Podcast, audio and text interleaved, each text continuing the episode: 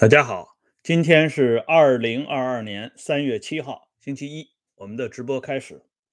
昨天我们的节目里涉及到一个话题，就是胡乔木给江青写过效忠信这件事情，在高层啊引起轩然大波。华国锋、叶剑英、李先念啊，这个余秋里、王震、罗瑞卿、胡耀邦这些人都曾经亲眼看到过。对这件事情呢，印象非常深。为什么胡胡乔木要写这封效忠信呢？后来胡乔木的老部下，也是昨天我们专门提到的那位党史界的著名的老前辈郑慧先生，在晚年接受采访的时候，专门讲过这件事情的一部分原委。郑慧先生说的原话是这么讲的，他说。啊，乔木想参加追悼会，但是江青不让他参加。胡乔木心里很难过，于是就写了一封信给江青。这封信别人都不知道，是后来从江青的办公桌里搜出来的。于是这件事情就成了大事儿。嗯，有人认为这是胡乔木向江青献忠心的表示，因为。仅仅想要参加毛泽东的追悼会是不需要给江青写这样一封信的，可以写给中央办公厅，写给汪东兴，这就形成了华国锋上来以后，当时中央领导层对胡乔木的看法。以上呢是郑慧先生的原话，我给大家简单复述了一下郑慧的这个解读。是相当准确和真实的，哎，大家心里都很清楚。你如果真的想参加老大的告别仪式，你完全可以给汪东兴写，甚至也可以给华国锋写，按照正常的组织程序来，没必要给江青写，并且江青把这封信放到办公桌里，更说明这封信并非完全的那种啊。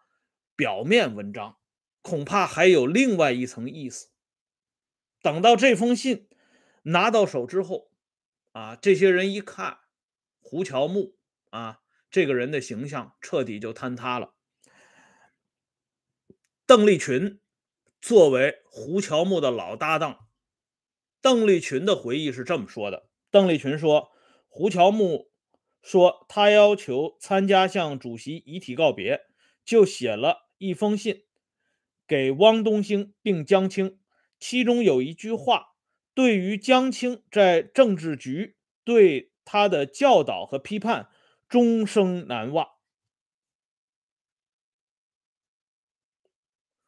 这是邓丽群啊首次向外界披露胡乔木信当中的一部分内容，或者说最重要的内容啊。邓丽群后来呢，还有一段回忆啊，就是说，一九七七年三月四号，国务院办公厅开会，宣布政治研究室解散。什么原因呢？就是胡乔木写的那封信，说主席去世后，胡乔木曾给江青写过一封信，经过汪东兴转的，是效忠信，表示效忠四人帮。那么这些原话呢，都是来自于邓丽群的自述《十二个春秋》这本书当中的，这是公开史料，大家可以去查证。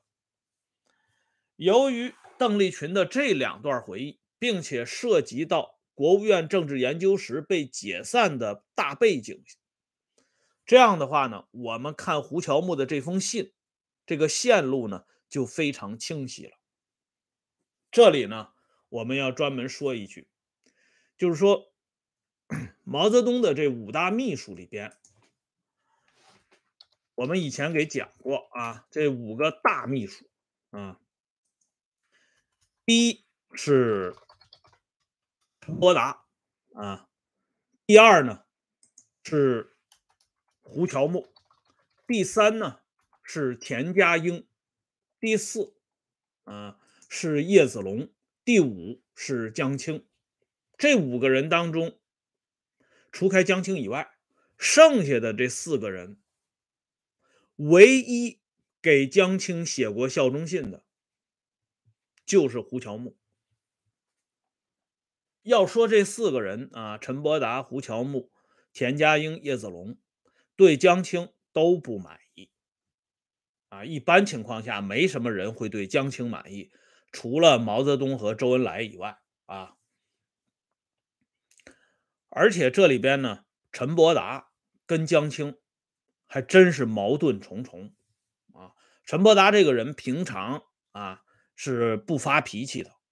可是因为与江青的冲突，发过几次大脾气，啊，陈伯达的秘书，陈伯达的呃部下王立啊，这些人都曾经有过回忆，而且陈伯达还给江青起过外号，啊，就是一九六七年年初的时候，曾经开过一次呃中央政治局会议，讨论贺龙的问题，在这次会议上，江青突然来了一句话。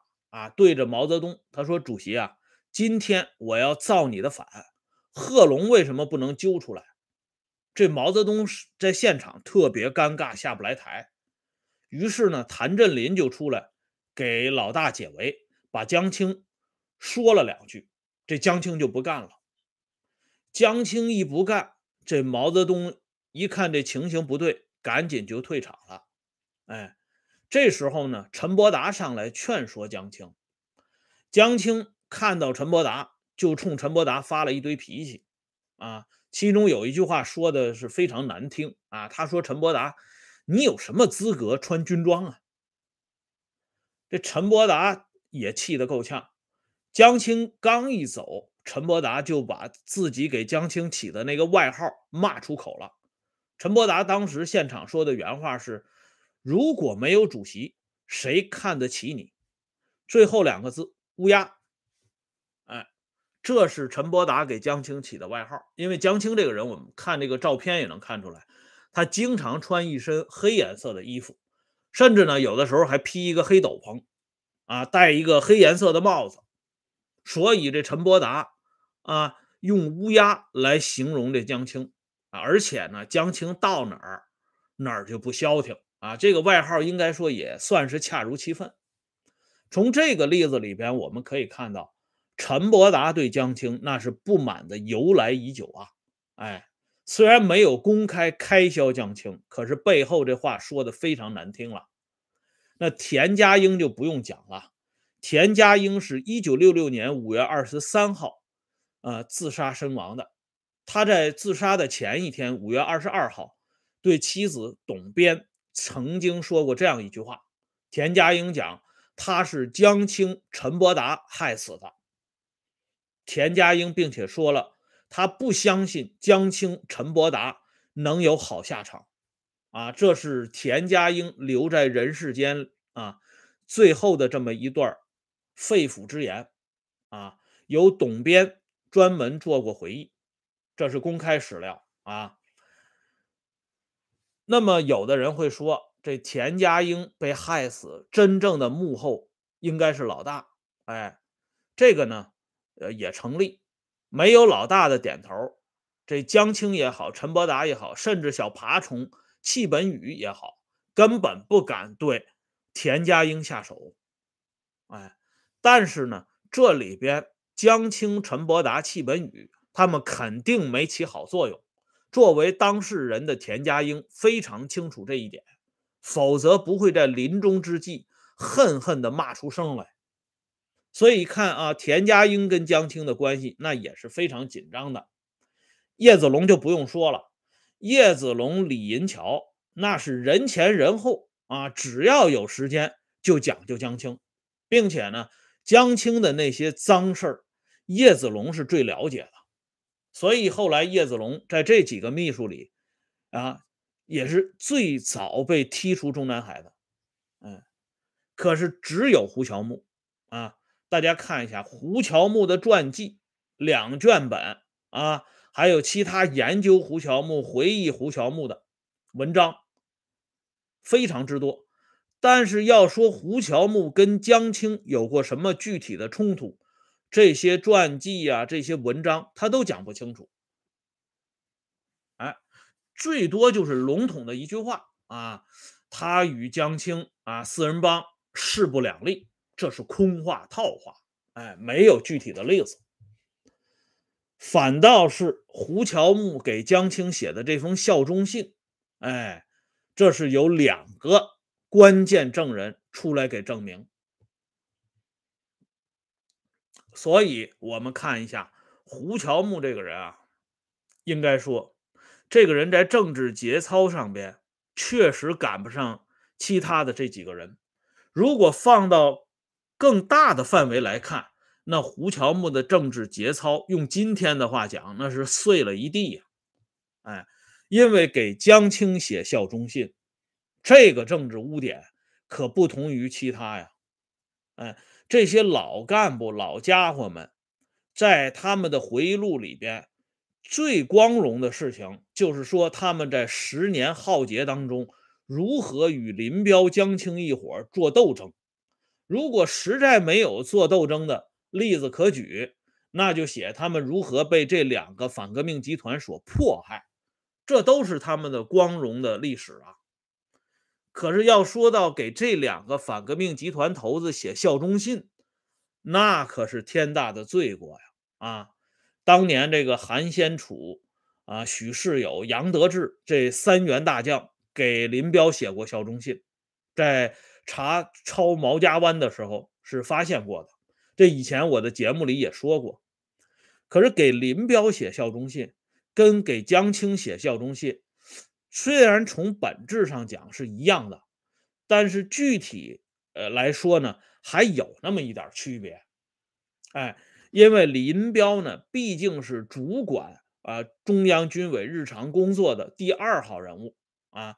你像韩先楚、杨得志，他们在历史上都曾经是林彪的老部下。给自己的老首长、老上司啊写封效忠信，这个说实话啊，如果不是深究起来的话，也不算是什么天大的罪过。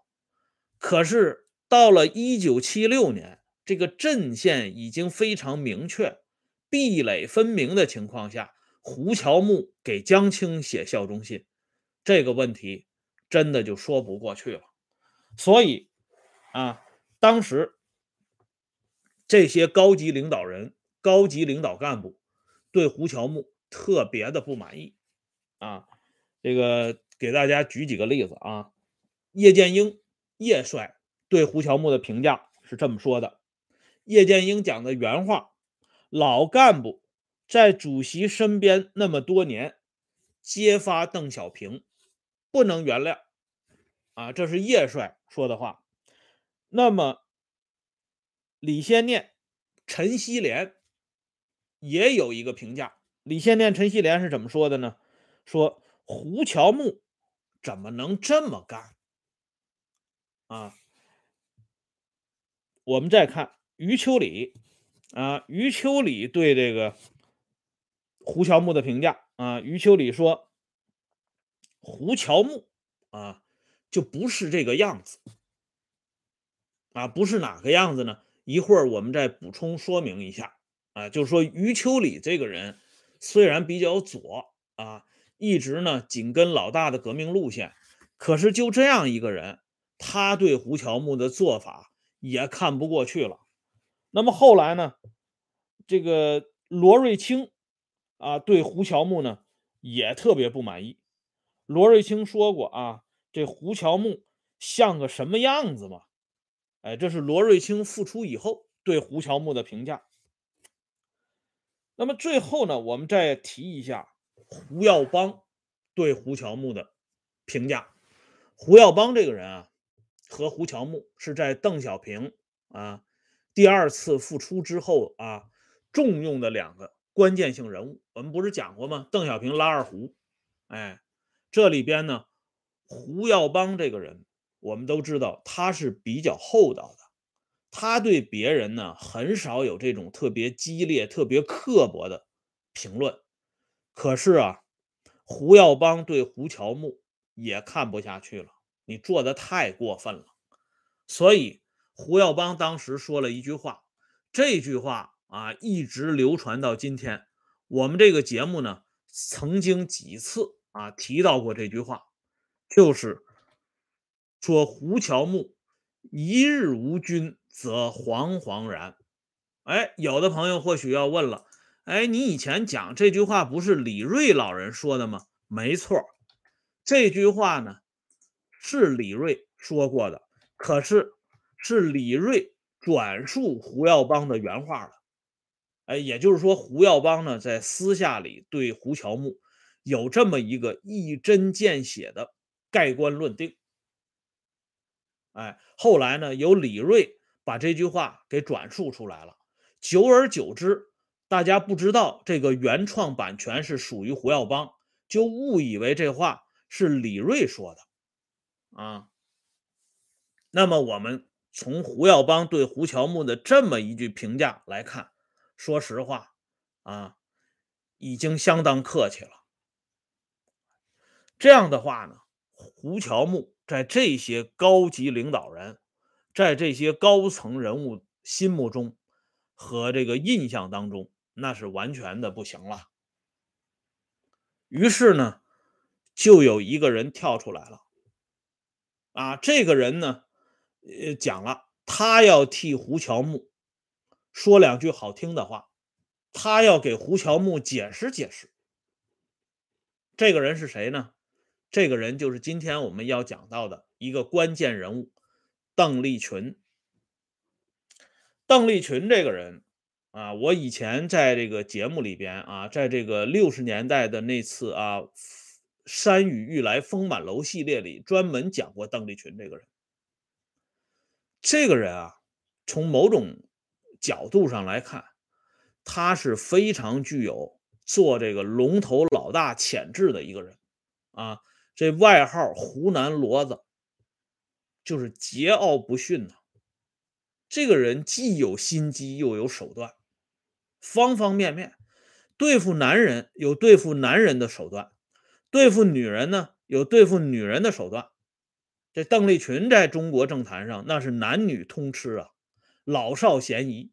啊，荤素不忌呀，什么都来，哎，所以今天这个题目就说这邓丽群差一点当上老大，这个不是瞎编的啊。当初在胡耀邦被迫辞去这个老大的职务的时候，啊，名义上的老大的职务的时候，中央高层是专门讨论过这个问题，赵子阳。主动表态，他不接这个位置。老赵呢说：“我不是谦虚啊，我也不是退让，我这个人更适合抓具体工作。他还是想搞政府这摊儿，继续主抓国务院工作。党务这个东西，老赵说我不熟悉，可以选更有经验、更适合的同志来挑这个担子。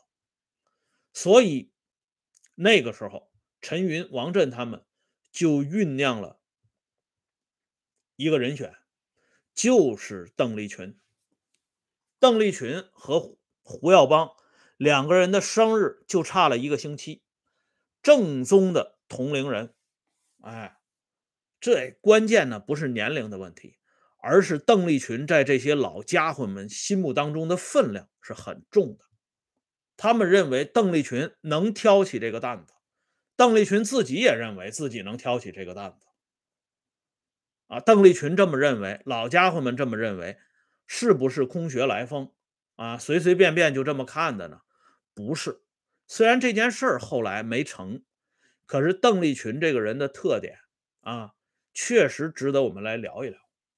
刚才我们提到的叶剑英啊、李先念、陈锡联、余秋里、罗瑞卿啊，这些人。对胡乔木的负面的评价，啊，以及这个胡乔木写效忠信里边最关键的那句话，对江青的那个感情的那句话，这些内容都是邓丽群在他的回忆录里边提到的。邓丽群不提，我们怎么能知道呢？啊，可是呢，人家邓丽群偏偏。在这个回忆里边，人家有一个小标题，小标题是什么呢？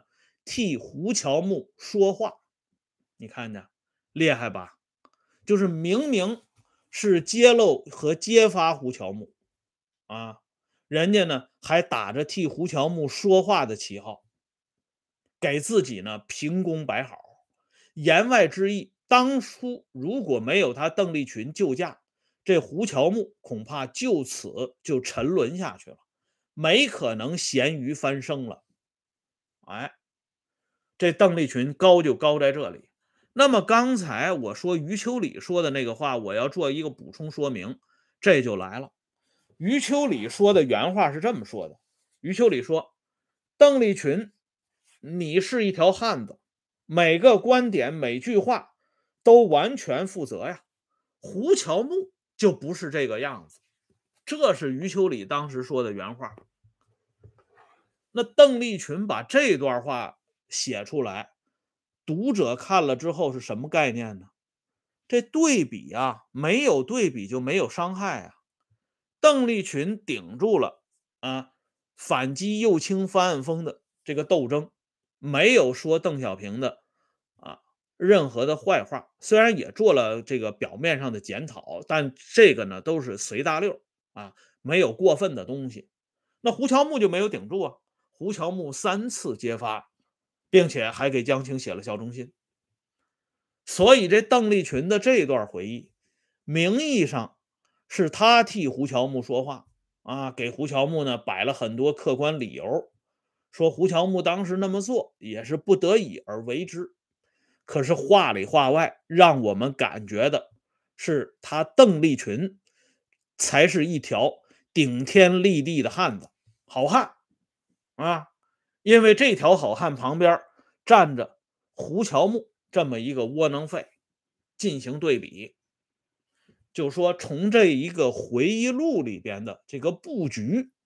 我们就能看到邓丽群这个人真的很厉害啊！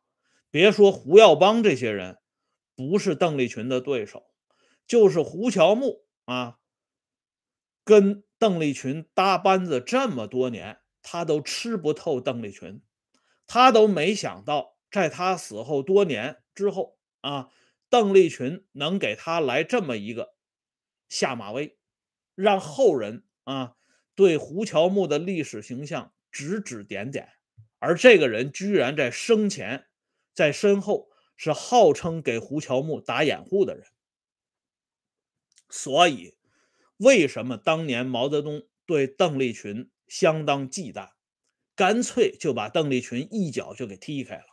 如果不是陈伯达、刘少奇在毛泽东面前给说情，这邓丽群根本就不会。重新出来，毛泽东一方面啊是对邓丽群在工作上的不满意，那么另外一方面是由于老大看透了邓丽群这个人的用心，毛泽东啊能够披荆斩棘，在党内群雄当中脱颖而出，始终盘踞老大的位置。其关键一点就是这个人对于党内的这些老家伙们。肚子里的小九九看的是比较清楚的，你说完全清楚那不现实啊。比如说他就没看透林彪的那套东西啊，但是说比较清楚应该是贴切的。哎，邓丽群肚子里有多少弯弯绕，毛泽东心中是清楚的。所以邓丽群这种人，毛泽东宁愿让他去做冷板凳，绝不会用他。哪怕他有一技之长，这种人啊，人家讲德才兼备呀。首先，这个德的问题，这德不是说咱们理解的那种狭义的道德，而是说你这个人，你不能野心勃勃。这个是啊，老大词典当中的德。哎，但是这一点，在毛泽东心目当中，邓丽群是不合格的。应该讲，在看待邓丽群这件事情上，说实话，邓小平也好，陈云也罢，他们他们的眼光眼力啊，还真赶不上毛泽东。哎，至于其他人就更不用提了。哎，所以当年邓丽群差一点儿当上老大，那不是没有来由的。哎，好了，今天呢，我们这期节目啊就说到这里，感谢朋友们上来点赞、收看和收听，欢迎大家关注温相会员节目啊，经常有更新。今天就有一期会员节目，一会儿呢马上上传啊，感兴趣的会员朋友们可以观看。再见。